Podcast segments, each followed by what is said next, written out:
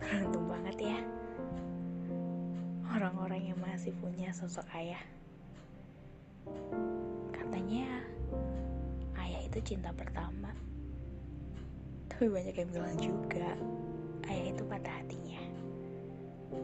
Tapi kalau buat aku Ayah itu terlalu jauh. Jauh buat aku bersandar dirinya terlalu jauh dan susah digapai dan sering terlupakan.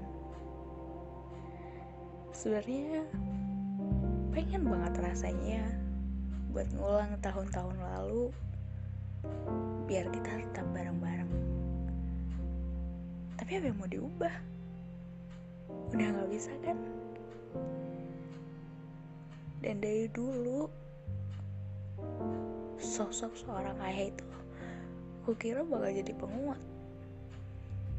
Ternyata dia orang pertama yang membuat aku berantakan. Tapi sekarang saya pun hilang satu.